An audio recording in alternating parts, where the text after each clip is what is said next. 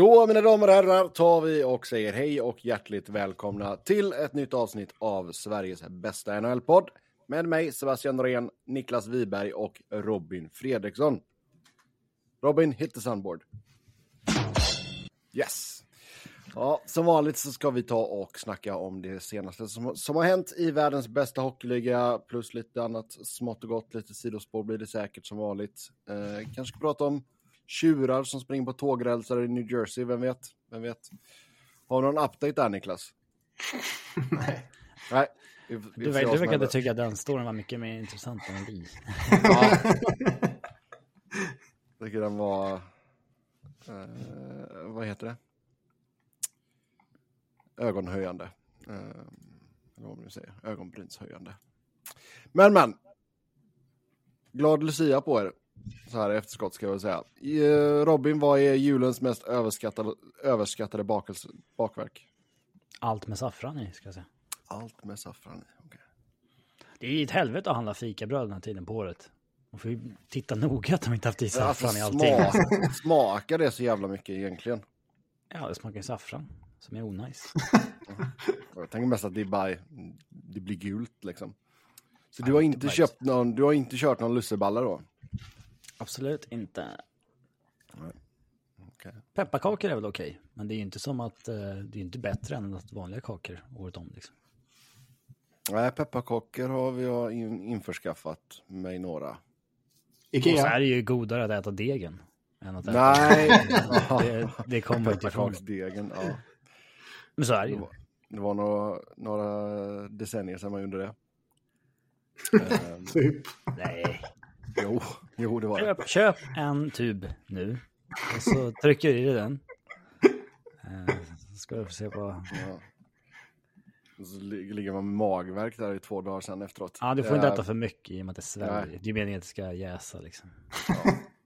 Nej, så, eh, Nick... så, så talar en man som har ätit för mycket. Ja, exakt. Samma sak om du ska göra sockerkaka och bestämmer dig för att äh, jag häller i mig skiten istället. Så då... Det, då har inte i bakpulvret om du planerar dricksvattensveten istället. Ja, baktips från Robin. Det är bra. Nej, Niklas, det blir inga Ikea-pepparkakor utan det blev, blev några name brand i år. Um, var en med kardemumma, någon specialare.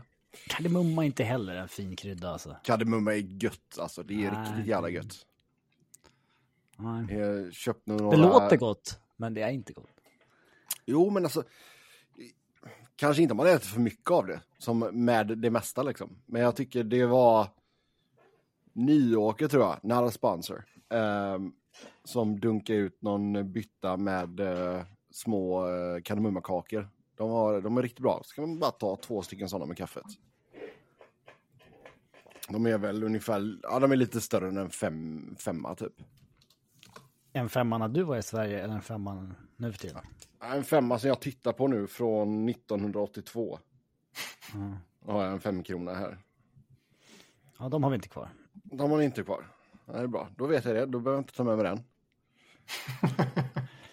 jag tror dock att de äh, är vassare om man ska köra blodiga femman än de nya femmorna. Oh, åh gud. Det var macho ändå alltså. Alltså varför gjorde man det? Varför gjorde man det i frågan? Då gällde det att inte visa sig feg. Ja. Undrar va? Alltså att ingen lär... De satte liksom aldrig stopp för det här riktigt, lärarna. Nej, nej, nej. det kunde ju lämnas bord helt blodiga och grejer ja. ute i korridoren. Det var ju alltid någon som var lite mer vrickad än alla andra som skulle typ vässa den och grejer. Uh, ja, just det. Skapa lite taggar på den och sånt mm. där. Ja. ja, fy, fy, fy. Ja, nu går vi över till hockeyn i alla fall. Och där så fick vi nyheten av att Craig Berube fick kicken av St. Louis. Och uh, Drew Bannister tar över som interim manager. Eller interimtränare. Jag kände Återigen. inte till Drew Bannister. Jag sa Craig Berube, tror jag jag skulle säga. Ja. Mm. Nej, det var också ett namn som uh, jag verkligen inte hade någon koll på.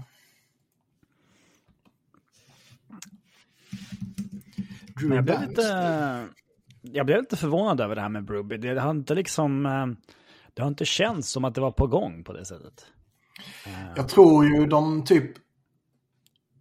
Jag minns inte vem det var, men på Insider Trading tror jag de i något avsnitt nyligen sa typ i förbifarten att ah, det kanske blir ett coachbyte typ så småningom. Eller något mm. sånt där. Men det kanske är liksom, det är typ som om vi skulle säga det i förra veckan. Eller så eh, hade de på känn att något kanske var på gång. Det vet man aldrig med sådana. Nej.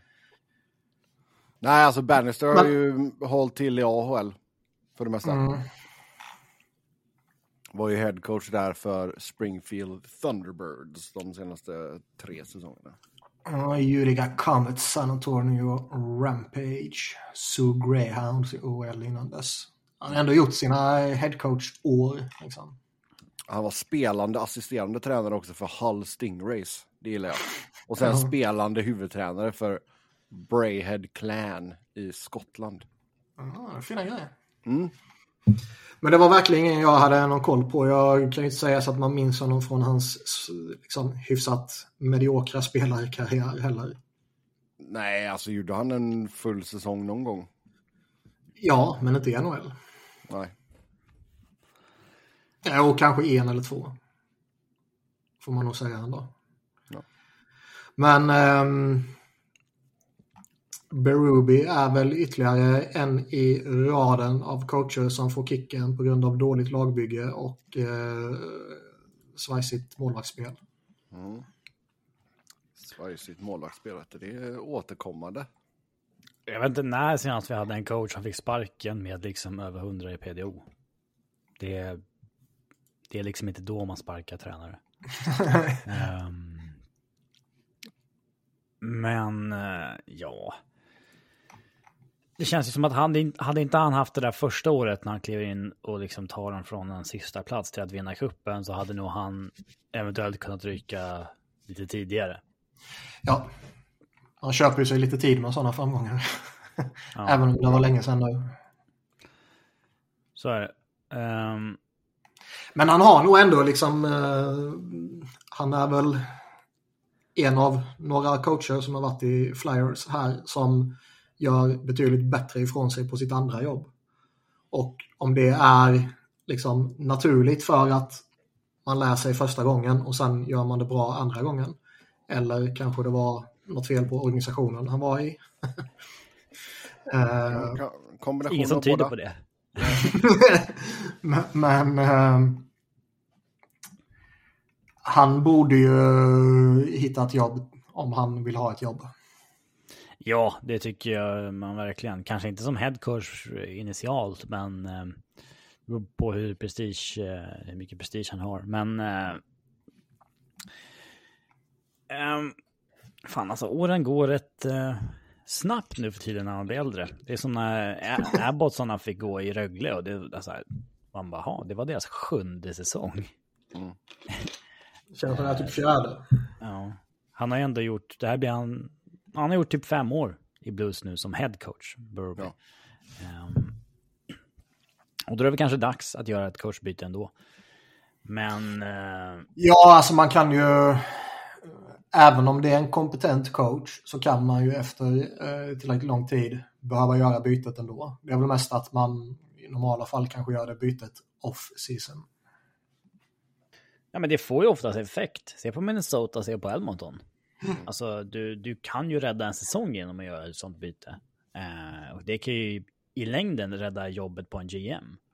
Så att man förstår ju varför det görs, men ibland känns det inte helt fair. Uh, men uh, that's the business liksom. Verkligen. Men jag menar, tittar man på deras roster så är den ju... Alltså den, den är ju inte välkonstruerad av Doug Armstrong. Nej. Eh, vad tycker ni om det han sa att han... Eh, att om jag lämnar idag så lämnar jag inte St. Louis Blues i bättre skick än när jag hittade dem och det är en horrible feeling. Eh, det tycker jag var det jag drar lite hårt. I och med att han har dragit in en Stanley Cup. För att liksom... 2010 tog han över. Ja, och det Okej, men vad var St. Louis Blues då? David Backes, Patrik Berglund, Alexander Stenen, McDonald, DiAgostino, Pietrangelo, okay. Brad Boyce till Oshie. Okay. Alltså 0506, 0607, 0708 missar de slutspel. Och sen är det, alltså när han kommer in så är det liksom fem missade slutspel senaste sex åren. Så där tycker jag väl att han är lite hård mot sig själv kanske. Ja. Mm. Eh, och det har varit en kupp och sen så funkar ju NHL som det, som det gör. Det är ju inte så att du lämnar lag i bra skick, utan det är ju cykler som går med liksom draftsystemet och, och så vidare. Det, det är ju bara så det funkar. Eh, det är ju inte, det är ganska få som lämnar ett Tampa Bay i det skicket som Steve Eisenman gjorde. Ja, ja. Um, Nej, det är undantagsfall. Det är undan, ja, det är undantagsfall, inget annat. Um, men visst, det, det, det jag tycker framförallt att han har misslyckats med är väl deras backsida. Liksom. Ja. Jag, jag, jag, tycker väl egentligen inte att det var fel att eh, göra den här generationsväxlingen på forwardsidan där man ger laget till Jordan Cairo och Robert Thomas. Nej, inte alls. Det, det, det var väl liksom läge för det. Eh, sen borde man väl kanske ha fått någonting för Tarasenko och sådär istället. Eh, och, Um, ja, men eh, överlag forwardsidan tycker jag den är, den är väl fin. Sen så har inte Jakob Brana flugit år som han gjorde förra året, men och det kommer väl till. Han är satt på waivers nu och clearade den, men uh, det är, back, det är märkligt att ha en backsida där alla är över 30 i dagens hockey liksom. Ja. Man är ju personligen är man ju väldigt nöjd att Tory Krug inte ville lämna St. Louis med tanke på uh, vilken utveckling Travis Sunheim har haft den här säsongen. Mm. Ja, den... Uh, den... Sen hur bra är Tory Krug numera liksom? Nej, det har man inte någon riktig koll på heller, men... Uh, 32 år. Då har den också gått snabbt. Jag vill ändå hävda, utan att ha sett Tory Krug, men sett Travis Sunheim, att Travis Sunheim är avsevärt mycket bättre de här första 25-30-ish matcherna. Yes. Jo. Mm. Så då får vi se ifall man får någon effekt här då. Eh, St. Louis ligger ju sexa i, när vi spelar in detta i Central. Ja, det är 27, långt ifrån, eh, långt ifrån för sent för att rädda säsongen i alla fall. Ja.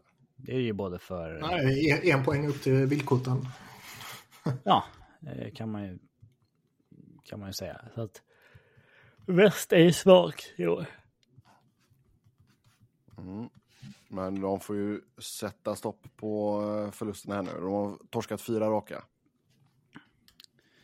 Ja, det är väl då man brukar byta coach oftast, men... Eh, mm. Mm. Yes, uh, vi kan väl ta en liten uh, avstickare till Edmonton. För när vi pratade om dem senast så såg det inte jättebra ut. Nu har man vunnit åtta raka. Och vips så är man uppe på fjärde plats i Pacific. Ja, Man har ju nästan bara suttit och väntat på, på något sånt här. Ja. Jag skrev, någon skrev att de var on pace för att ha färre poäng än Colorados 16-17 säsong, 48 mm. poäng. Och då skrev jag på Twitter att jag skulle äta en rå kyckling om det, om det skedde. Ja. Nu behöver de liksom ta, ja vad är det, typ nio vinster till eller någonting innan. Um, Nej, innan, det, innan du slipper ja. käka råkyckling. Ja, det är bra. De behöver vinna tio matcher till eller någonting resten av säsongen för att det ska ske. Så att, uh... man, man, visste att det bara var en, en, en tidsfråga innan McDavid skulle slänga upp laget på ryggen och bära dem. Liksom. Sen om det skulle bli att man går... Ja, det är det som har hänt. Ja, sen om det blir att man går 10-0-0 eller 7-2-1 eller vad det nu blir. Men, men liksom att han pissar in poäng under en tio matchers period är ju inte något man reagerar på längre. Nej, nej, verkligen inte. Det, det var ju snarare anmärkningsvärt i början när han bara låg kring en, en poäng per match. ja. ja. Vad har han gjort här nu det senaste? 10 poäng på de senaste fem. Ja, alltså under de här åtta matcherna så har han gjort liksom 4, 5, 3, 1, 3, 2, 2, 2. Helt okej. Mm, det säger också en del att, om hur bra resten av laget egentligen är när ehm, när det räcker med att han bara är point per game för att liksom hela säsongen ska hålla på att rinna dem i händerna innan Ja. jul. Ja. Och det är ju så liksom. Fan. Sen var det ju lite extremt med målvaktsspel och sådär. Ja, men de har ju... Men ändå. De, det är ju ett förväntat dåligt målvaktsspel med sett vilka målvakter de hade, har liksom valt att satsa Ja. på. Så att, Ja. Men sen, de, man ska också säga, de har ju fått en jävla um, utveckling på Evan Bouchard. Sen visst, det är ju lite Tyson Berry där som spelar P, alltså han spelar PP med, eh, med McDavid Dreisaitl, men... ja, där skulle jag göra poäng. Mm, ehm, Jo, men han behöver fortfarande göra de poängen. Det... Niklas hade inte gjort de poängen. Eh, Nej, inte 30, men jag skulle ha gjort några poäng. Stor, tung, högerfattad back. Det är ju vad alla GMs vill ha. Du hade snubblat på... eh. Alltså jag skulle ju dött, det är jag mycket väl medveten om. Men jag skulle göra några poäng innan dess. och det är ju det här Dar- Darnell Nurse är om han inte får sina siffror boostade av PP-poäng. Med, eh, det, det är mörkt. Ja. Oh ja. Han är också, han är ju liksom en offensiv back, han är ju inte bra defensivt. Nej, det där kontraktet uh, jublar de nog över. Han ska kosta typ 4 mille liksom. Så kostar han 9. Ja, 9,25 på honom. Det är, det är tungt, men men, så är det. Ja, sen har vi Robert Bortuzzo. Tradad till New York Islanders. St. Louis får ett sjunderumsval 2024. Känns Man som en blir ju- Uncle Lou-värvning. Ja, jag var på väg att säga, man blir ju inte eh, chockad när man såg att Uncle Lou tradade till sig eh, Robert Bertuzzo 2023. De fick ju någon skada. Vad fan var det de fick? Eh, ja, av de bra backarna liksom. Och så hämtar man in Bertuzzo för att rädda säsongen. lite, Ja. lite överdrivet men ändå inte. Ja, det, jag tycker väl inte att det är så... um, kanske konstigt. Han kostar ju ingenting att ta och sådär. Alltså. Nej, jag raljerar lite för att det är Uncle Lou. Det ska ju göra det. Uh, Tradea till sig Bertuzzo var liksom... Han kommer ju vara typ sjunde back om alla är friska sen. Eller i värsta fall sjätte back liksom. Det, det, är, ju, det är ju vad det är. Liksom. Ja, Men återigen, man blev inte förvånad när det var Uncle Lou som gick för honom. Sen Eric Robinson gick till Buffalo och Columbus fick ett conditional sjunderumsval 2025 i utbyte där.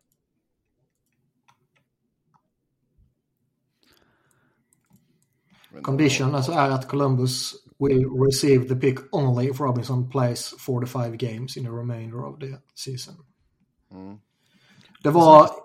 Det här dominerade ju Twitter i typ flera timmar kändes det som.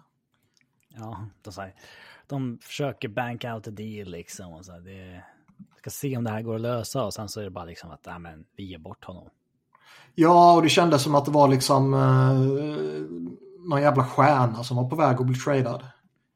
Det kändes som att den här traden dominerade ju Twitter lika mycket som den här jävla baseballsnubben som ryktades vara till Toronto gjorde.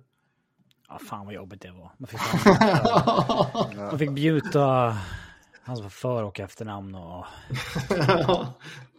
Men jävligt skoj när hela Toronto liksom eh, bara blev överlyckliga och får den bästa baseballspelaren som finns. Typ. liksom. Det inte Och sen så bara visade det sig att nej, det stämmer inte. Ja, det Eh, bara Fal falska uppgifter.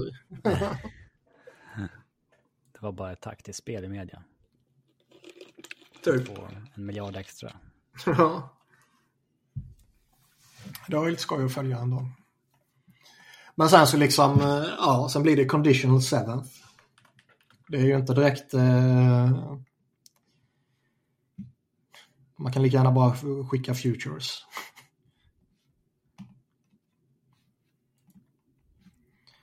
Nu dog Sebbe igen. Oh. Han får fan lösa det där någon gång. Så här kan han inte hålla på. Nej. Det är, som när jag, det är som när jag hade mina växtnätproblem innan. Ja, men det är liksom tio år sedan nu. Ju... Ja, mm, ja. vi pratade om Eric Robinson. Jag trodde han var yngre, men ja. Eh, 28 bast. Men han är ju ingenting. Liksom. Nej, nej, nej. Brutalt hur han kunde få så mycket utrymme. Men det säger väl kanske också lite om uh, trademarknaden i ligan. Att en sån här irrelevant spelare kan få det extrema utrymmet som han ändå får. Och men Det, det, det är sker liksom inte så många, det sker inte så många trades under en säsong. Nej. Fram till deadline. Så att, ja. Men det var inte heller två... Det var ju två väldigt små lag som gjorde det här. Ja. Ändå så, det var inte att Montreal skickade någon eller något sådär. Då, då kan det ju ta fart, men... Mm. Ja. Ja, nonsens spelare. Då skiter vi och väntar in Sebbe och går vidare till Ethan Bear. Som förväntas signa med Caps två år och ungefär två miljoner per säsong. Mm. Han har ju, kommer ju från en axel tror jag det var, operation. Ja, han var väl den här uh, lite småheta Fradent-backen som fanns kvar, men han, alla visste att han skulle vara borta ett tag. Mm. Ehm, men ja, vart i Edmonton, Carolina, Vancouver senaste åren, men han är inte heller något exceptionellt så, men... ja, Nej, verkligen inte. Men jag menar, jag, jag, jag signar ju hellre honom. Även om det kanske kommer med viss risk med tanke på en, en omfattande axeloperation. Men hellre att man signar honom än man liksom tradar för en Bututso. Så är det Men eh, det är inte alla lag som har eh, två miljoner. Nej, definitivt inte. Jipp. Så att, eh, ja. Men ganska tråkigt lag att gå. Man... De försöker att rädda sin säsong. Canucks, men... eh, eh, det känns ju Nej. inte som att det... Han kommer vara tunga på vågen. Nej, men han gick till Capitals. Ja, vad sa jag? Ja, Canucks. ja nej. Nej, Canucks behöver inte rädda någon säsong. De går som tåget.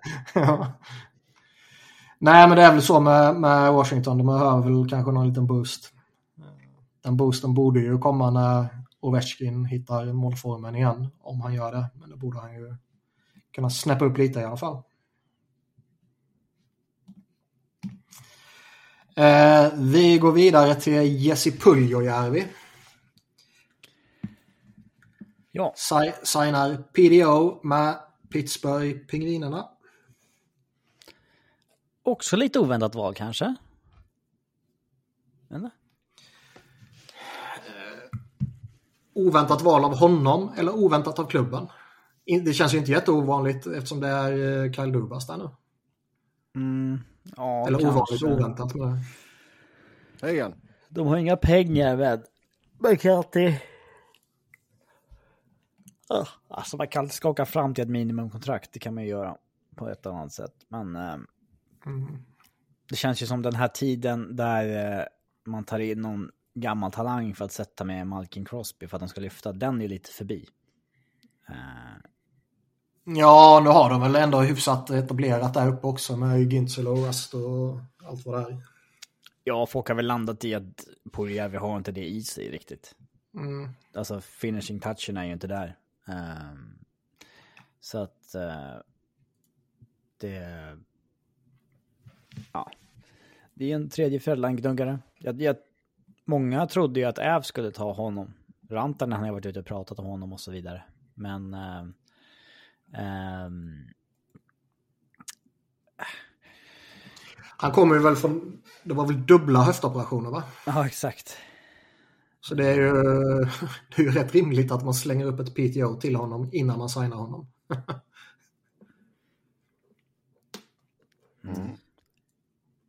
Ja, Men eh, på tal om Rantanen, vad är det för beef han har med... Eh, ja, Lekkonens farsa. ja, vad fan heter han i förnamn? Eh, det var Ismo. Lekkonen. Ismo var det. Ja, Ismo Lekkonen hade väl sagt i finsk media någonting om att uh, Rantanen inte hade skött sin sommarträning. Och han är tydligen någon form av fystränare om jag fattar grejen rätt. Som har kört med NHL-spelare typ. Ja, och framförallt så är han ju tv-expert, så det är hans jobb att snacka, typ. Ja, okej. Eh, han har ju kört Viasat Hockey i Finland, liksom. Och sådär. Eh, så att... ehm,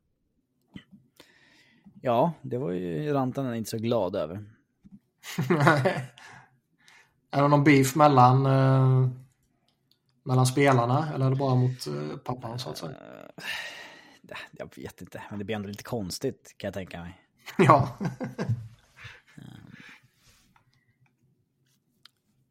Det är ju en liten speciell situation. såklart. I och med att han, när han säger det så säger han ju inte eh, en finsk hockeyexpert tycker så här. Eh, utan han säger en, En lakanmads våra, pappa. en av våra finska spelares pappa säger så här. Ja. Liksom. Ja, att det är liksom lite extra känsligt då kanske. Jo, men det blir det ju. Det är kul att han intervjuas av eh, i de här mediascrumsen efteråt så är det ju ganska hårt kontrollerat vad du ställer för frågor liksom. Eh, och det är ju ja, det egna nätverket och eh, Altitude som intervjuar honom. Och Rantanen tar ju bara upp det här helt random. Och de vill ju inte ha några skandalrubriker så det är bara direkt eh, så här. Han säger typ så här, ja, och ute och snackar skit om mig liksom. Och så bara, okej, what about Ivan Prosperov coming into the net? Keeping a shutout. Jag, jag läste också att Rant, Rantanen själv hade typ liksom insisterat på att se till att lägga ut det här nu.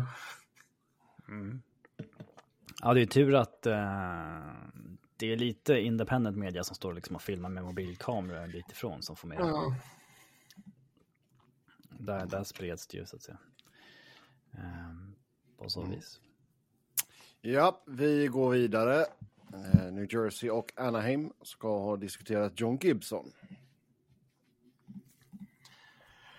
Vi har pratat om honom rätt mycket och det känns ju som att om Anaheim får ett läge och ta sig ur det kontraktet så måste man ju hugga. Även om man går eh, fortsatt eh, bra för att vara dem. Får man väl ändå typ säga. Jo, men det, det sa vi alltså. Har inte här- folk bara inse det nu, att det där inte är ett bra kontrakt? Det känns som att den pendeln har ändå gått lite åt det hållet. Nej, fan de har kraschat mer än vad jag hade koll på. 1-9-0. Ja, alltså när vi snackades vid förra gången så hade de åtta raka torsk tror jag. Och de är hugg. Ja, då har de ju kraschat hårdare än vad jag hade fått för mig. Jag tror ändå de hade lite eh, kontakt fortfarande, men de har ju kraschat Ja, nej. fullkomligt.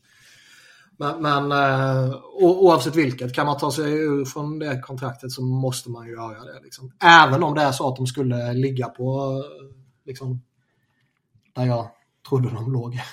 Ja, ja. Jo, jo, oavsett så är det ju, får du chansen så kör bara. Men är det där kontraktet ett sorts problem för dem längre? De kommer inte vara competitive under den kontraktstiden ändå. Eller? Nej, det är det i och för sig inte. Men eh, Fast samtidigt, de vill, de vill väl... Alltså det är tre säsonger till efter det här. Jag tror inte Mm. att Anaheim vill bli competitive om fyra, fem år. De vill väl bli det, och inte nästa år, men året efter det kanske. ja, Jo, det är, alltså det är beroende på om de, helst så ska de ju inte retaina på detta. Såklart. Men det, det, ger, det är ju en så jättemycket mer flexibilitet. Skulle de behålla en och en halv miljon är väl inte det hela världen så. Det är väl jobb, jobbigare att man ger upp en retention slot i flera år. Ja. Det, det suger ju. Man ska komma ihåg att de har ju en core som inte är... Eh, alltså, ja, Leo Karlsson 18. Eh, McTavish 20. ja, men Troy Terry är ju 26. Mm. Eh, men visst, det behöver kanske inte vara hela världen att man har... Nej, sen är det typ Seagrass 22, Dristel 21. Ja, nej, det Det- behöver nog inte vara så, så farligt ändå. Nej. Ehm, det var ju något snack om Frank Vatrano också. Och där ska man ju verkligen sälja högt på honom nu. Om Ja, det är någon verkligen. som, eh, som vill ha honom. Jag menar, hans, om han fortsätter att producera som han har gjort så är ju hans kontrakt eh, bra. Ja, nu försvann 3,0 Niklas också. Spännande. Ja, Nyss var det Sebastian. Så där ska man ju verkligen sikta på att bli av med honom i så fall. Ja, där kom Niklas tillbaks. ja, där kom Niklas tillbaks. Vad sa de för. Vatrano? Ja, du får ta det igen. Niklas? Jag vill att min hund börjar yla nu också. Niklas? Undrar om han hör oss. Ja, det är konstigt här. Det blir intressant att se hur de här filerna blir när man ska... Ja. Det är ett Kan pussel. bli, kan nog bli ett pussel idag, ja. Vi se. Ska nu skriva han i chatten i alla fall. Nu försvann jag. Ja, det gjorde du. Bekräfta det för honom så att han vet att han försvann. Ja. Eh, ja. Har du någonting att säga om Frank Vetrano? Ja, men han har väl varit en okej eh, third liner i typ eh, fem år. Men alltså. Han inledde ju den här säsongen med typ 12 mål på 15 matcher. Nu har ju det avtagit kraftigt, men. eh, så att chansen att sälja high är väl nästan redan passerat på något sätt, men. ehm, eh, det. Nu börjar han skälla på, skylla på Zencaster, Niklas. Tidigare så var det ditt nät. Alltså mitt nät var ju, för där stod det att jag försvann på grund av mitt nät. Så jag fick stä- ställa om min router där lite snabbt. Man får bara gå ur och in i Zencaster igen. Ja, exakt. Men man ska komma ihåg att Anaheim betalade ju rätt dyrt för att eh, få in Vetran och lite andra djupspelare i somras. Eh, för att liksom locka dem till den här pissiga situationen. Eh, Nu är jag med igen. Så det är ju inte så jäkla lätt kanske att skeppa en Vetrano. Så kostar 3,65 över nästa år också. Ehm, Men. Säg att man retainar halva så att han går, kostar liksom 1,8 i år och nästa år. Om han har bra siffror då, då kan det bli lite Brandon Hagel situation av det hela nästan. oh ja. Ja, Men det känns som att folk inte kommer gå på att hans flygande start var på riktigt. Men kan han bara fortsätta hålla hygglig eh, ja alltså, Jag tror, var jag, ju- tror du, över- jag tror du överskattar GMs. han var ju klar, alltså han var ju inte så klart godkänd förra säsongen. Hade han 22 baljor. Anaheim var ju relativt dassiga. Jag tror du överskattar GMs. De är inte lika smarta som oss. Nej, det är de fan inte. Det är bara att titta på hur de agerar ju. Ja. Nå, någon lär hugga på honom, det tror jag nog. Men nu har han ju typ så här två mål på 12 matcher eller någonting. Alltså det är ju en skillnad. Mm. Jo, det går ju i streaks liksom. Han, var, han har väl alltid varit ganska streaky, har han inte det? Vad är streaky då? Det är Jo, alla är streaky inom sin kontext så att säga. ja. Det, det syns ju bara dock mycket mer på second line scoring spelarna när de är streaky. Ehm, för en... Alltså det, typ McKinnon, McDavids highs and lows är att de fortfarande gör en poäng varje match eller varannan Ja, match. Så man tänker inte så mycket på det för det blir något highlight real goal hit och dit. Men en, liksom en andra line-spelare som är streaky. Eller streaky, alla är det säger jag en andra line-spelares high är ju att han pro- producerar som en första line-spelare i en månad. Men så kommer han en low när han producerar som en tredje, fjärde liner i en månad. Då blir det mycket, mycket mer synligt. Att du Oh, liksom får ett, ett mål på 20 matcher eller någonting av honom. Då, då, det blir så mycket mer påtagligt med dem. De hamnar mer i, i spotlightet. Liksom. ja, ja verkligen. Bara, hur ska man få ur Vetrano ur en slump och bla bla bla. Så visst, så är det ju. Så är det ju. Eh, flera lag ska ha kontaktat Vancouver om Andrei Kuzmenko. Det var ju en spelare som vi tyckte att de borde skeppat förra säsongen. Ja, han hade väl... Allting sa väl att, alltså statistiskt sa väl att det fanns inga spelare i hela NHL som hade haft eh, så mycket tur som honom med målskyttet förra året. Nej. Men hade ju haft ett galet value också. Oh ja. Det, verkligen. Nu sitter han på...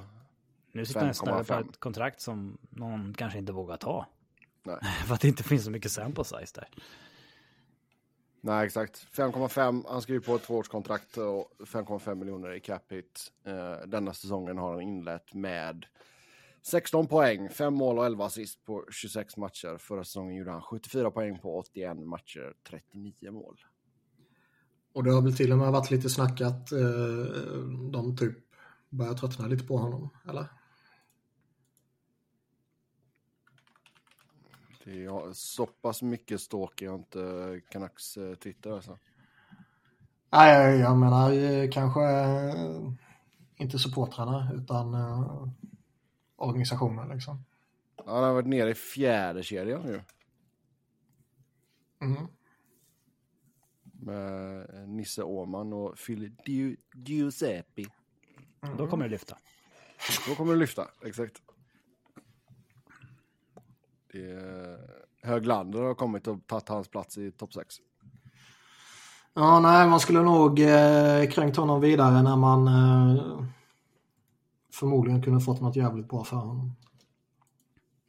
Oh ja. Ja, och... Ska vi se. Det är lätt att säga nu. Det är svårt för ett lag som typ inte har några bra spelare att när man väl får fram en att säga skicka honom. Jo. Nej, så är det. Och vi har pratat mycket om ägarsituationen i Vancouver där de eh, alltid vill vara competitive på något sätt och liksom hänger över sin GM på ett lite förmodligen svårt sätt. Men det kanske inte är det klokaste långsiktigt att Sam Lafferty spelar upp med Elias Pettersson och Kuzmenko spelar med Ovan. Nej, det är helt, helt sant. Så vi får väl se vad som händer med Kuzmenko. Sen eh, har vi ett par avstängningar. Erik Goodbranson, en match. David Perron, sex matcher. Ska vi börja med Goodbranson? Vi fick en uh, lyssnarfråga här från Johan. Uh, om jag kan hitta den. Där! Hur kan så kallade NHL-experter och Sverige vara så himla upprörda över att Goodbranson bara fick en match? Uh, förstår man inte NHL alls? Eh, jag hade ju gärna sett att det var 6-7 matcher precis som en Peron. För att man... Eh, ah, jag har sagt det förr, jag tycker att det... Alltså den tacklingen som Branson, Good Branson får som han lackar ur över, det, ja, det är väl en tackling som kanske förtjänar en match avstängning eller två. Eh, men att liksom sådana här hämndöverfall där man liksom smär, alltså när man slår någon i huvudet som ligger på isen. Alltså sånt, sånt ska liksom man verkligen städa undan. Nej, sånt måste bort från ligan. Men allting alltså grundar sig i att, i att domarna inte gör sitt jobb från början. Det är som du ja. sa, alltså att den, de fick väl en tvåa för den tacklingen på honom. Mm. Och jag menar, det är ju patetiskt. Ja, det är en felbedömning av hur grov ja, den var. Ja. Och liksom där eh, gör domarna sitt jobb så är kanske han borta från matchen. Och då ja, uppstår ja. aldrig den här situationen om inte annat så, så tror jag det finns en betydligt större eh, chans att situationen aldrig uppstår om eh, det blir en betydligt större bestraffning även om det innebär att han inte slängs ut från matchen. Liksom. Mm. Eh, men en tvåa för den är ju liksom jag förstår att man som spelare känner att liksom en tvåa räcker inte, jag måste markera. Sen att man markerar på det sättet är ju... Alltså han gör det ju helt fel läge också. Ja, nej det, det är ju liksom... Det handlar ju bara om, det handlar ju bara om personlig frustration och... Ja, ja. Alltså, det är ju inte något... Det är ju knappast något kalkylerat där det är liksom att nu måste jag stå upp för mig själv. Det är bara att han blir lack och vill hämnas. Ja. Alltså, ja. Det... Men att situationen uppstår är ju helt och hållet domarnas fel. Ja.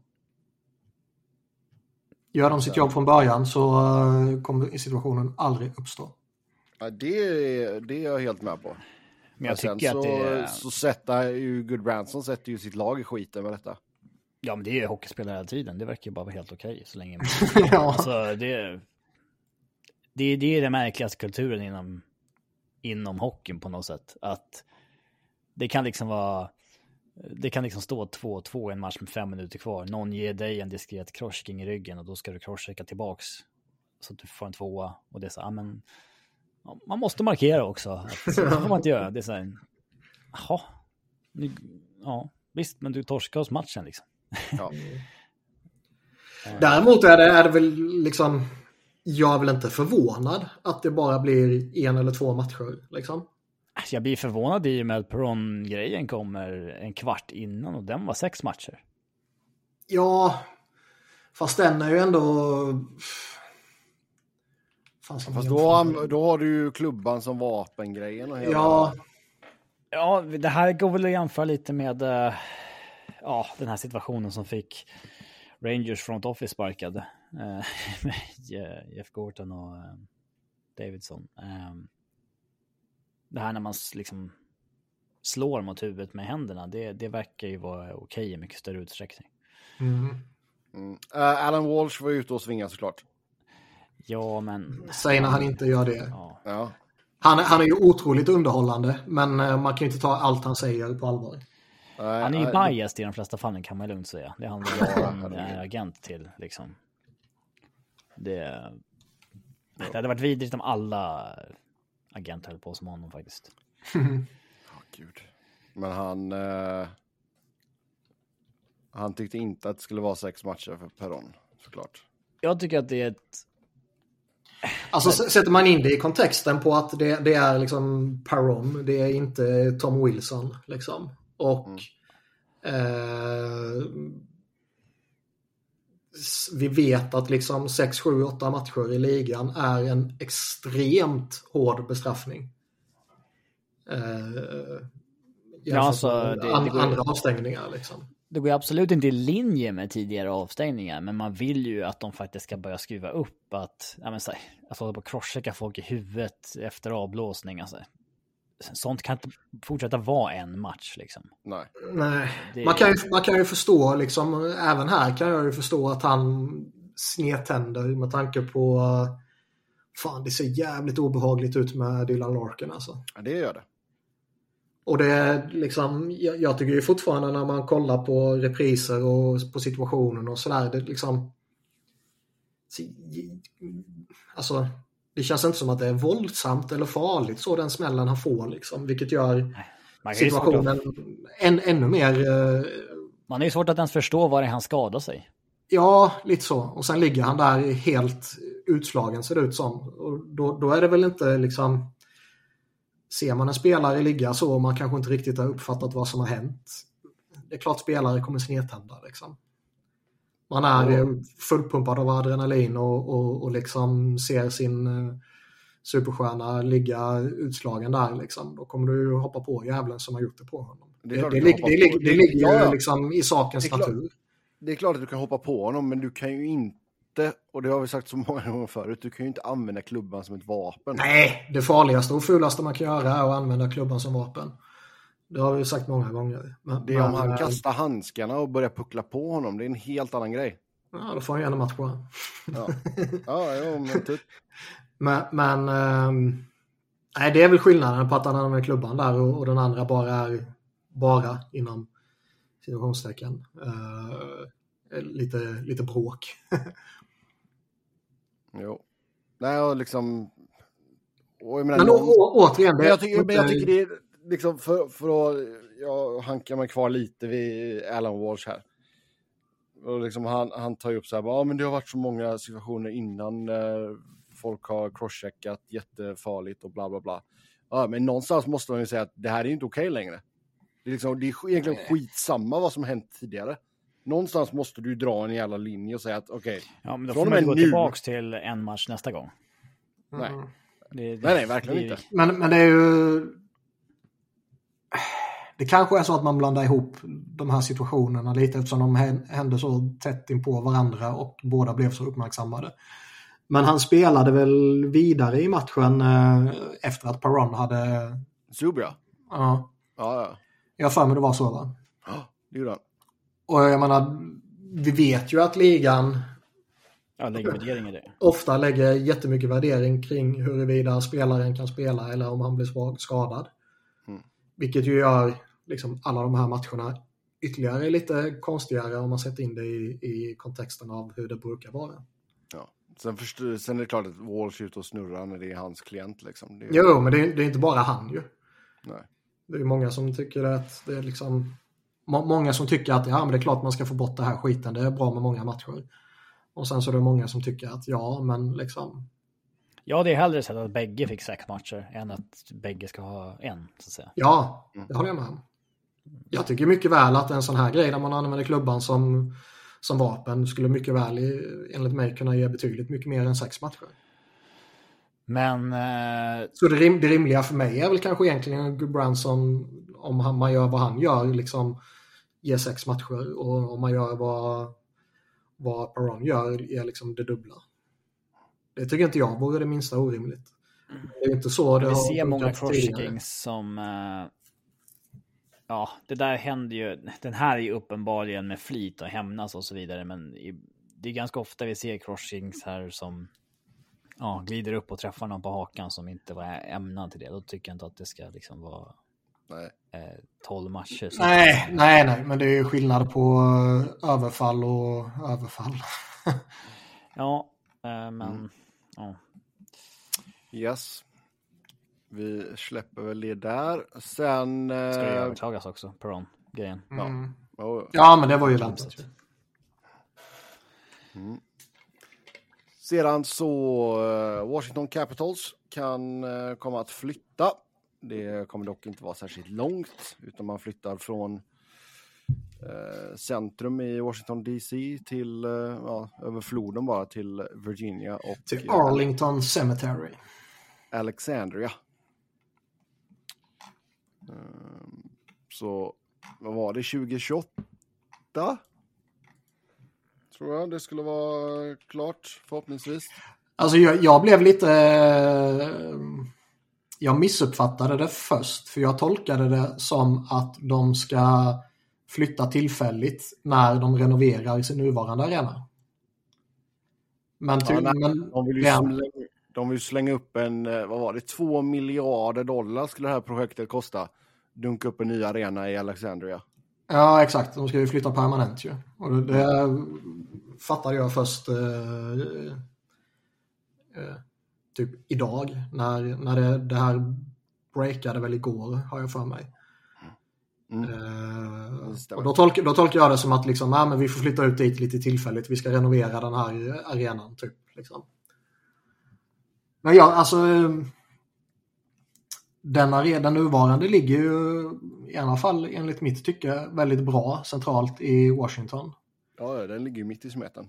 Ja, sen så är Ja, det väl lite sådär att den, den är väl, man kan ju alltid när det kommer till sådana här enorma arenor, eh, hur det är med parkeringsmöjligheter och sånt här, eh, kan man ju tänka sig är lite tufft inne i centrala Washington. Ja, det är inte helt optimalt kan jag säga. Nej. Och när jag var där som turist så liksom vi bodde ju 10 minuter tror jag det var från arenan så det var bara att traska ner ju. Men eh, går man dit på 41 matcher så kanske det är eh, jävligt bökigt om man kommer utifrån. Det, det är ju sånt man inte vet ju. Eller inte jag i alla fall i det här fallet. Nej. Mm, Sen läste Nej, jag lite att de, de, de hade ju haft tydligen typ lokalradion eller något hade ju haft någon eh, sån här där man kan ringa in och prata om, om det här. Och där ska tydligen väldigt många ha, ha gnällt om liksom att ah, men det börjar bli lite otryggt eh, i det området och mycket crimes och grejer. Jag vet inte. Och man ska väl inte ta eh, folk som ringer in till ett radioprogram för hela nej, sändningen. det är fan... Framförallt det inte i alltså USA. shit, Alltså, nej, det är livsfarligt. Jag skulle aldrig ha Collins liksom. Nej. Eh, Men det var ju inga problem när vi var där för tio år sedan i alla fall. Nej, bävade alltid för det när vi... eh, Man bara, men ring in till programmet. Man bara, nej snälla, låt ingen ringa in för helvete. låt ingen ringa in. Så ska man liksom sitta och eh, liksom screena folk bara. Är det här en hel, liksom, är det här en julidiot som kommer säga massa grejer liksom, eller inte? Typ. Eh, och då snackar jag inte bara lokal sport i liksom Bakersfield-området liksom. Eh, ja, men, men, men. men. Eh, Men det är allt speciellt när man måste flytta. Ja. Och som sagt, det är inte, det är inte jättelångt, men eh, det är ju typ någon gammal järnvägsgrej som de ska... Potomac Yard i Alexandria. Um, med två miljarder dollar. Fan, det är mycket pengar alltså. Mm.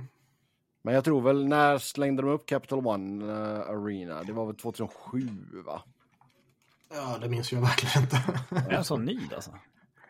Ja, jag tror det. Det här blir liksom tredje hemmaarena för Ovechkin. 1997. ja, det är 97. Det blir tvådje. Ja, 2D. Ja, okej. Ja, ja, 97. Ja, då kanske den är lite lång i, lång i tanden som man säger här borta.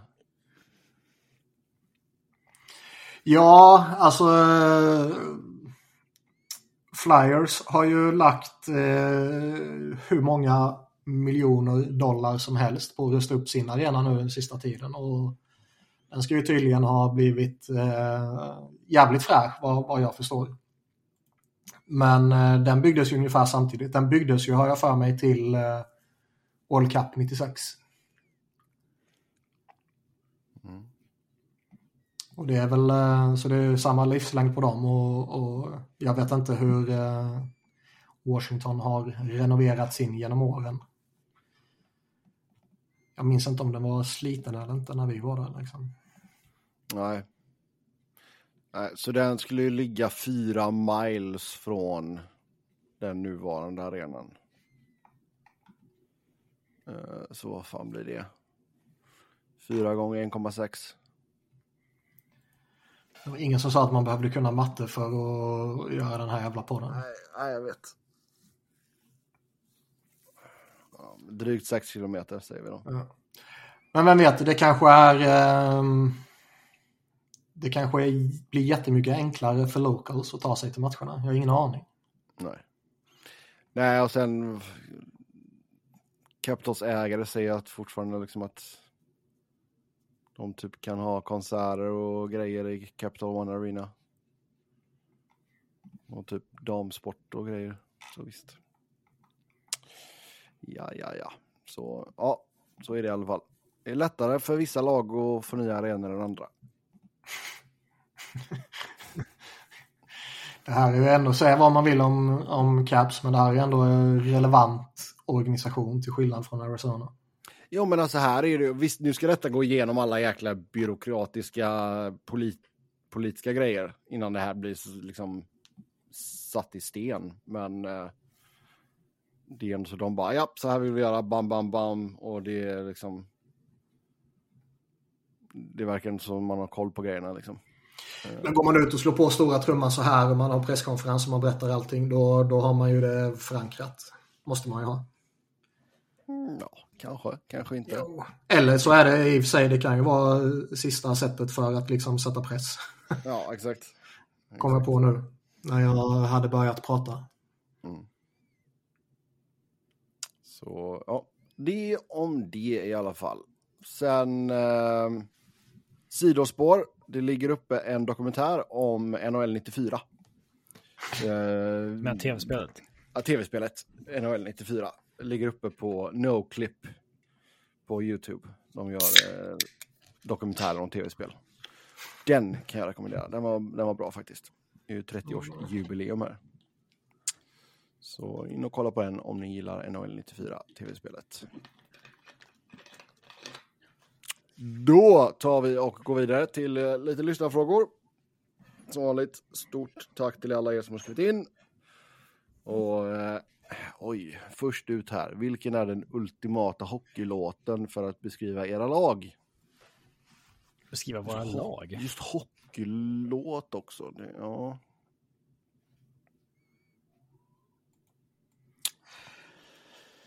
Ja, ja. Vadå beskriva våra lag? Hur kan en låt beskriva? Du får väl tolka, du, du får väl tolka, läs frågan och tolka den hur du tolkar den liksom. Det... Men just hockey, alltså hockeyrelaterade låtar också, det är, vi har inte överdrivet många. Det har varit en annan grej om man skulle försöka hitta en låt-låt som beskriver laget. Jag kan ju ta eh, vilken skoterlåt som helst, det är ju alltid relevant. Men Waste Your Youth passar bra in på Flyers. Så där ja. Äv spelade ju... eh, Under Stanley Cup-året så var det ju en grej att alltid spelades All the small things. Mm. Eh, De har ju inte spelat den sedan dess. För att det, de valde den vägen att nej, men den tillhör Stanley Cup-året liksom. Ja. Vi vattnar inte ut den. Jag Ja, tror det väl att bra. eh, Blues De har gjorde släppt väl en ny samma skiva sak. nu, de får väl ta en ny låt. Blues gjorde väl samma sak med Gloria va? Vet ej. Pensionerade, det vet jag inte. Ja, men liksom. De maler ju inte den efter vinster längre. Nej, det kanske inte. Eh, däremot så spelade man ju All the small things igen för första gången sen Stanley Cup igår natt när Eric Johnson eh, var tillbaks. Mm. Ehm, eh, och de körde igen eh, hyllningsvideo till honom på Jumbotron som vanligt. Men det hade ju varit kul om de inte gjorde det. Bara ignorera honom fullständigt. Alltså antingen det, för att alla väntar sig att det ska komma en. Han gjorde liksom typ 13 säsonger i Colorado. Liksom. Eh, Eller slänga upp en blooper reel. ja, eller att man liksom väntar till sista TV-timeouten för att liksom hålla honom på halster och liksom distrahera honom under matchen med att det kommer ingenting. Det hade ju också varit en intressant väg att gå. Ja. Oh, ja. ja. Nej, jag vet inte riktigt vad en låt skulle vara. Det, det finns ganska många låtar om just LA också. Och om Kalifornien. Kanske göra Californication med Red Hot Chili Peppers.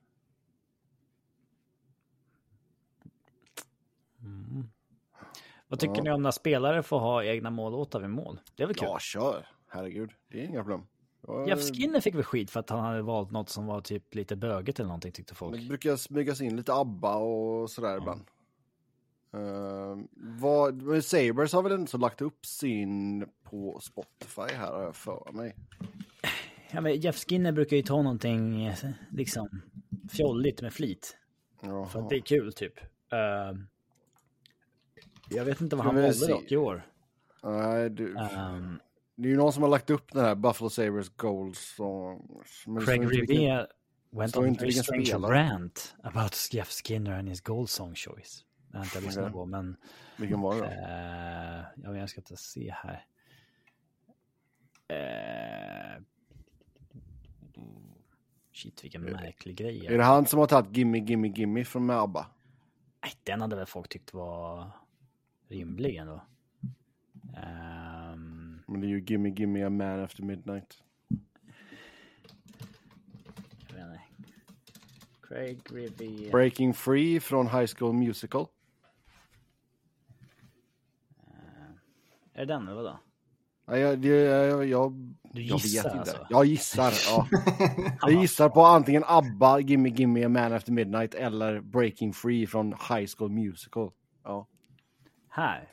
Buffalo Release Gold Songs for 2020. Ska vi se. Jeff Skinner. Ha, har du någon gissning Niklas innan vi går vidare? Nej. Eh, Jeff Skinner. Har Breaking Free. Från, Från High School Musical, ja. från Troy Bolton, Gabriella Montez. Jag vet inte vad det är för låt, men ja. Det är från en Disney-film, High School Musical. okej. Ja. Det är en musikalfilm som eh, namnet eh, säger. Som utspelar sig i en high school. Och så ja. Ja, jag kan ju inte. Alltså jag, Du kan ju inte Victor musik. Olofsson har ju Gimme Gimme Gimme från ABBA. Okej. Mm. Ehm, annars Vad så tog- känner jag inte jag Vad till. tog Dahlin? Humble. Med Ja, Okej, ja. Kendrick Lamar. Med Kendrick Lamar. Okej. Mm. Men annars så jag känner inte till de här. Daft Punk Kanye West har jag hört Eller? i alla fall. Kanye West har jag Daft- hört namn. Ja. Daft Punk, Daft nej Punk. det vet jag inte.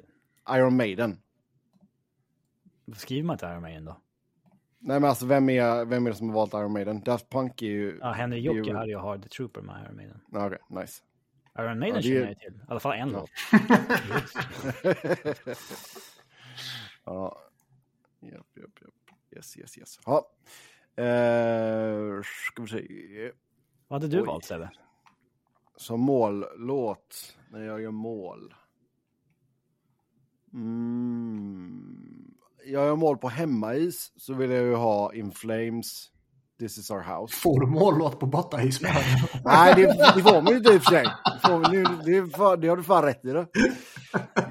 Lite brain fart mig där. Ja, men då är det This is our house med In Flames. Men det hade jag också velat ha till... Den låten vill jag ju ha när vi åker in på isen egentligen. Okej. Den är, det är en bra låt.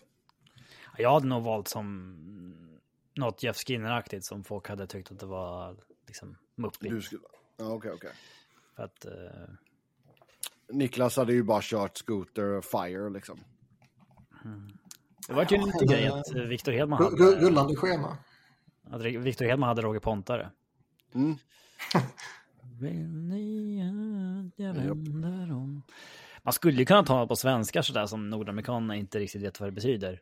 Eh, Ta någon onkel konkel någonting. eh, Groteskos bögarnas fel eller någonting. Mm. Eller du ska aldrig runka buller. De hade ju kollat upp det dock. Ja, det är klart de hade. Säkert. Tyvärr. Ehm, Ja. Men eh, så är det med det i alla fall. Uh, usch. Inte kommit en Arsenal-fråga på ett tag till Niklas, så här kommer den. Håller serieledningen hela vägen till ligaguldet denna gången. de har väl tappat den? Ja, men den här kom in när de fortfarande låg i topp. Kan man, kan jag Ja, säga nej? aktiv, aktivt valt att inte ta med den. Jag tror väl att eh, så länge Manchester City är den här upplagan av Manchester City så kommer de alltid vara favoriter. De var det förra säsongen, de, inför förra säsongen, de var det under hela förra säsongen, de var det inför denna säsongen och de är det väl fortfarande denna säsongen. Ehm, Får ge cred till Aston Villa som ligger trea när vi spelar in detta. Det är ändå så duktigt gjort. Ja, jävlar vilken vecka de hade. Först bara spelar de skjortan av City och, och vinner där och sen vinner de mot Arsenal. Mm. Men det känns väl lite som att eh, nu när eh, Liverpool verkar ha studsat tillbaka på något sätt och Villa kommer och utmanar lite och Tottenham eh, har ju bortsett från de senaste veckorna sett starka ut liksom. Newcastle är vad de är. United borde kunna resa sig när de väl byter tränare. Alltså, Det känns år. Topp sex, topp sex, topp sex. Men, men, men liksom det, det känns ju... Det känns ju som det är tajtare där uppe än vad det har varit eh, de sista åren. Och det tror jag City, även om de inte leder nu, kan hantera på bäst sätt. Jag tror Liv- Liverpool kommer gå på sina minor här och där för det är inget komplett lag längre. Arsenal kommer gå på några minor här och där för det är inget komplett lag än så länge. Eh, City, framförallt när de får tillbaka De Bruyne, kommer ju hantera det på ett annat sätt, tror jag. Du tror inte på Aston Villa? Nej. Nej, alltså du kan ju inte ha en... Inte som att alltså, vinna, det- men, men som det, att liksom... Det är det är ju inte Leicester, det är ju inte riktigt Leicester, men det är ju fan inte långt ifrån alltså. Ja, typ. Men, men liksom för, för att utmana topp fyra och kunna knuffa ner Tottenham United och Newcastle och sådär, absolut. För att utmana om titeln, det har man jävligt svårt att. Ja. Men det är klart, det hade varit roligt. Jag ser ju hellre att Aston Villa går och vinner än något av de andra lagen som är där uppe. För jag tror inte United kommer kunna klara det. Åh nej. Så eh, då, kör Aston Villa, kör. Det är helt okej. Ja, eh, ska vi se, vad har vi härnäst? Eh, tårtan om tacklingar. Jag glömde den förra veckan. Men eh, Jan Tortorella hade ju varit ute och klagat lite över att spelare inte vet hur man tar en tackling längre. Nej, och det har ju faktiskt blivit eh, lite snack om det. Fortsatt, det har varit nya, nya situationer och så har det varit det här liksom att ha, måste man fightas efter en clean tackling numera. Eh, Alltid behövt göra sig i viss utsträckning om den är tillräckligt liksom... jo, jo, men det sker ju inte lika ofta längre så det kanske står ut mer då. Men eh, jag har ju sagt tidigare och liksom att jag, jag tror ju tacklingar kommer försvinna från sporten eh, i en naturlig utveckling för att det, sporten blir bara snabbare och snabbare, det går snabbare och snabbare och, det, man kommer liksom inte, man kommer riskera för mycket för att försöka sätta en tackling eh, ju snabbare spelet blir. Så därför tror jag att det, det kommer bli naturligt att tacklingarna liksom, kanske inte försvinner hundraprocentigt. Men jag tänkte säga, du menar att, vi ska, att det ska bli bandy fast på liten is? Nej, men liksom, jag säger inte att det är så jag vill ha det, men jag tror det kommer bli så för, för att man, liksom, man kommer riska mycket mer för att försöka sätta en tackling eh, när det går så fort. Alltså gå, missa, tappa position och bla bla bla. Liksom. Ja, men sen har du väl, alltså, när får kids börja tackla nu? Det är ju ja, ja, från land till land såklart, men... Ja, jag vet inte, jag, men det är några spelare som ändå har varit ute och... Jag tror att de har sänkt det till att man får tacklas när som helst. Okay. Jag vet inte. Men det är ändå vissa spelare som har varit ute och pratat, eh, eller före detta är det väl snarare, liksom, att eh, nej men när, eh, när jag lärde mig hockey så fick vi lära oss hur man tacklar och hur man tar emot tacklingar. Mm. Och liksom, det känns inte som att dagens ungdomar får lära sig det på samma sätt. Jag har ingen aning. Men, men, känns som en boomer take det där ändå. Ja, kanske. Men... Det ligger någonting i tacklingarna det ligger ju någonting att tacklingarna kommer med dubbelt så hög fart och dubbelt så stor kraft också. Ja, sen är det ju liksom, alltså, det är ju fortfarande så att respekten för motståndaren är eh, halvskakig när man ser liksom vad Evander Kane gjorde på Jonas Brodin till exempel. Man bara köttar honom i ryggen rätt in i sargen. Liksom. Helt meningslös tackling att dela ut eh, med tanke på vilken total risk man utsätter motståndaren för. Och det är ju bara genomrutten dårskap som gör att man sätter en sån tackling. Jag tycker ändå att det var jätte, alltså väldigt många som tycker att det är mycket ligga på Brodin där. Men det där är någonting som folk bara börjat slänga ur sig efter varenda tackling numera. Ja. Alltså folk som inte kan någonting om hockey säger ju det om varenda gång deras egen spelare får någonting, får något straff, en tackling. Eh, ah, det där har bara blivit en tramsig försvarsmekanism tycker jag. Mm. Alltså, alla tacklingar är liksom, det ligger minst 95 procent på den som tacklar. Fortfarande, det är den som väljer att tackla. Du kan aldrig liksom lägga över det på den som får en tackling. Att, att du borde duckat eller du borde ha... Om jag kommer mot ditt huvud borde du se till att jag inte träffar. Mm. Liksom. Alltså, det är ja, den som tar emot har ju ett ansvar, men det har gått alldeles för mycket överdrifter där tycker jag. Mm. Mm. Eh, sen tycker Niklas att Flyers aktivt borde försöka trada bort Hart och Connectny, eller är han all in på slutspelsjakten nu? Alltså jag vill inte all in på slutspelsjakten så tillvida att jag tycker man ska liksom ge upp tillgångar för att eh, alltså, vara buyers helt enkelt. Nej, nej. Det, det, tycker jag inte. Däremot börjar jag vackla lite kring eh, liksom ambitionen att sälja av Car, om man bortser från Kanada-situationen med Carter Hart med liksom bara kontraktsläge och eh, hela köret liksom. Och samma sak med Connecting i kontraktsläge och, och liksom det, det, börjar ju kunna eventuellt komma några tendenser till att liksom den här rebuilden kanske kan gå lite fortare än vad man trodde.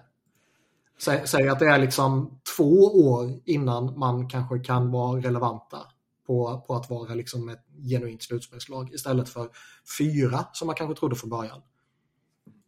Uh, då kan det ju faktiskt vara så att Travis Connectney och Carter Hart kommer liksom vara the backbone av en nästa bra lag. Liksom. Mm. Så det är en väldig skillnad om det är två år bort eller om det är fyra, fem år bort. Liksom. Man var inställd. Kato Gauthier och, och Matvej Mitchkov. Uh, Gauthier alltså... kommer väl ansluta eh, tämligen omgående. Liksom. Och vilken utveckling han får. Men sen är det ju Mitchkov som är den stora. Liksom. Har man möjlighet att han kommer över om ett eller två år eller kommer det dröja de här tre åren? Och, ja, och sen det, han måste, han måste ju vara det Capri som var när han kom in i Minnesota. Ja, så är det. Och jag menar hittills, jag menar han, han, han gör ju dundersuccé i KHL. Han gör ju fler mål per match än vad Ovechkin gjorde efter att han blev draftad. Liksom. Eh, det är en jävla supertalang. Och tidigare var man ju lite sådär att alltså ska, ska man bygga om och gå in i en rebuild så behöver man ju man behöver bottom out för att få liksom high-end talent. Och kanske det är så att Flyers inte behöver bottom out för att man liksom man fick Gaffier femma och, och liksom förmodligen behöver man ju en draftetta eller en topp tre eller någonting för att eh, liksom få den high-end talent liksom. Och det är ju vad Mitchkov förmodligen skulle gått i normala fall. Nu hade man jävla flyt att han föll till plats sju liksom och plockade honom där. Så det är kanske så att man, man hade lite tur och därför behöver man inte bottom out. Mm. Eventuellt. Ja. Så man får väl se, man får alltså, känslan är ju att det mycket väl skulle kunna vara så att, eh, att det tar två år innan man är ett relevant slutspelslag som liksom inte snubblas in i slutspel utan som går till slutspel så att säga.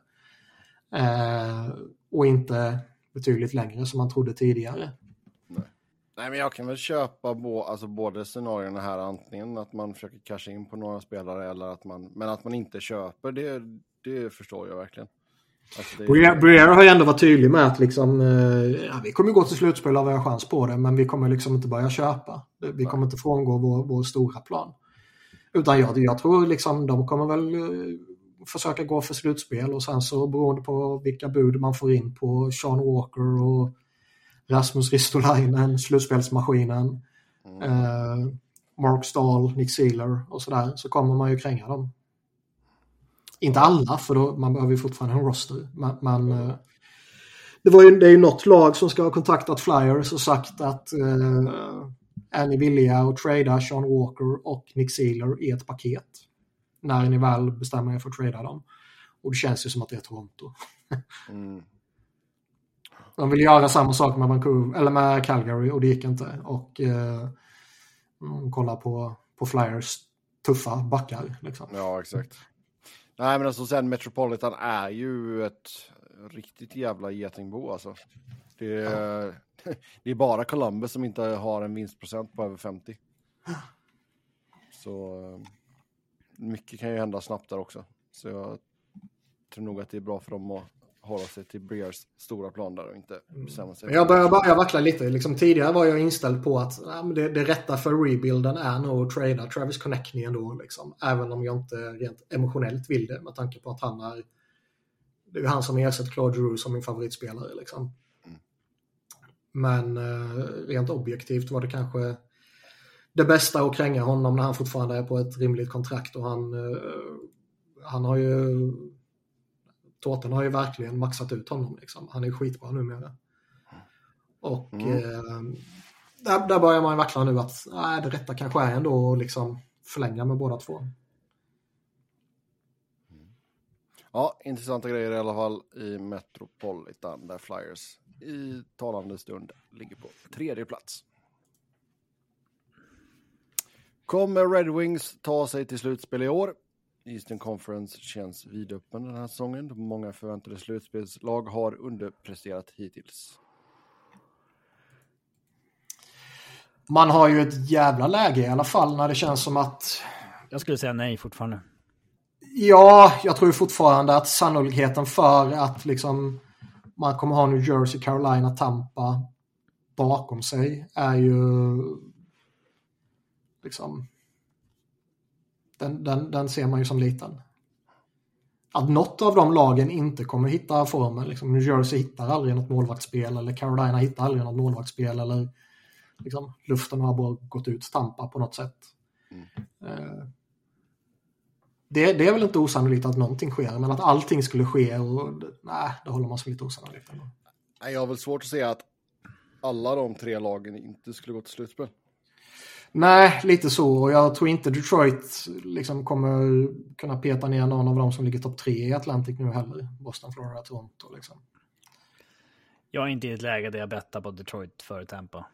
Eh, nej, nej. Över tid, ännu. Nej, kan, kanske egentligen inte. har ju börjat krackelera, så är det ju. Men det är inte, mm. jag skulle inte... Nej. De, de har rätt usla siffror och sådär, men det är för mycket high-end talent där för att jag ska betta emot dem än så länge. Mm. Det är nästan som man skulle vara lite sådär skraj för att betta emot Pittsburgh eller Washington också. Eh, jämfört med Detroit. Ja, i alla fall Pittsburgh. Mm. Mm. Men eh, Detroit fortsätter i alla fall ta steg framåt. Det... Sen vet man inte heller vad som händer med liksom, var, var kommer Patrick Kane landa? Mm. Det har inte börjat fint. Vad sa du där? Det har inte börjat jättestarkt för honom. Nej, men att han skulle ha lite eh, startsträcka, det var ju väntat liksom. Frågan är ju bara vad han tar vägen eh, så småningom. Om han är vad man kanske befarar att han kommer vara efter den här operationen och allt som har snackats om andra som har genomgått den så ja, då kanske han inte direkt kommer lyfta Detroit. Men säg att han hittar tillbaka till det han var 21-22. Då, då kan han ju släppa honom till slutspel typ.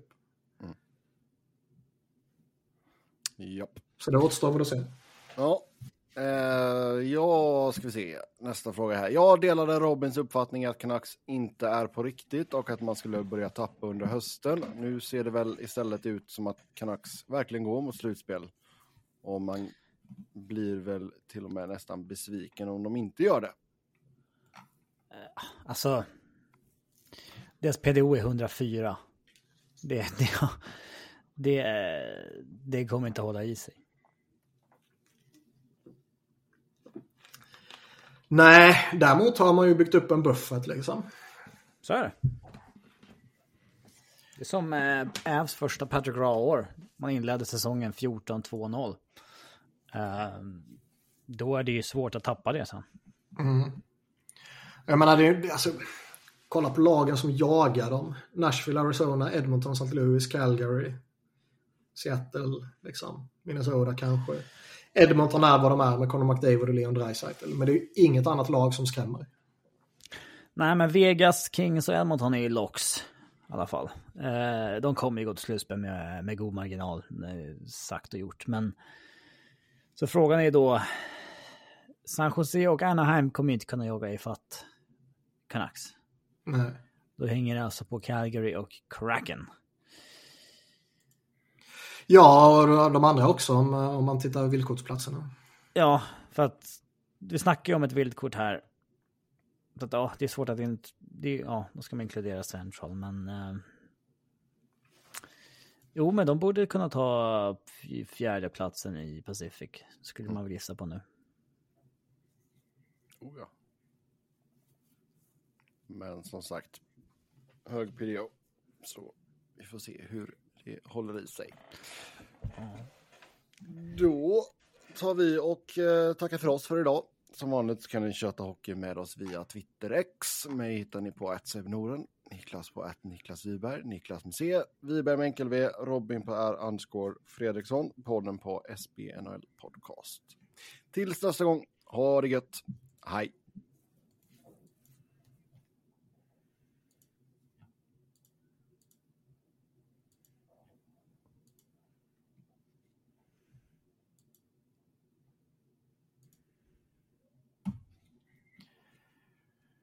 Det är nog bäst att ta eh, mixad filen va?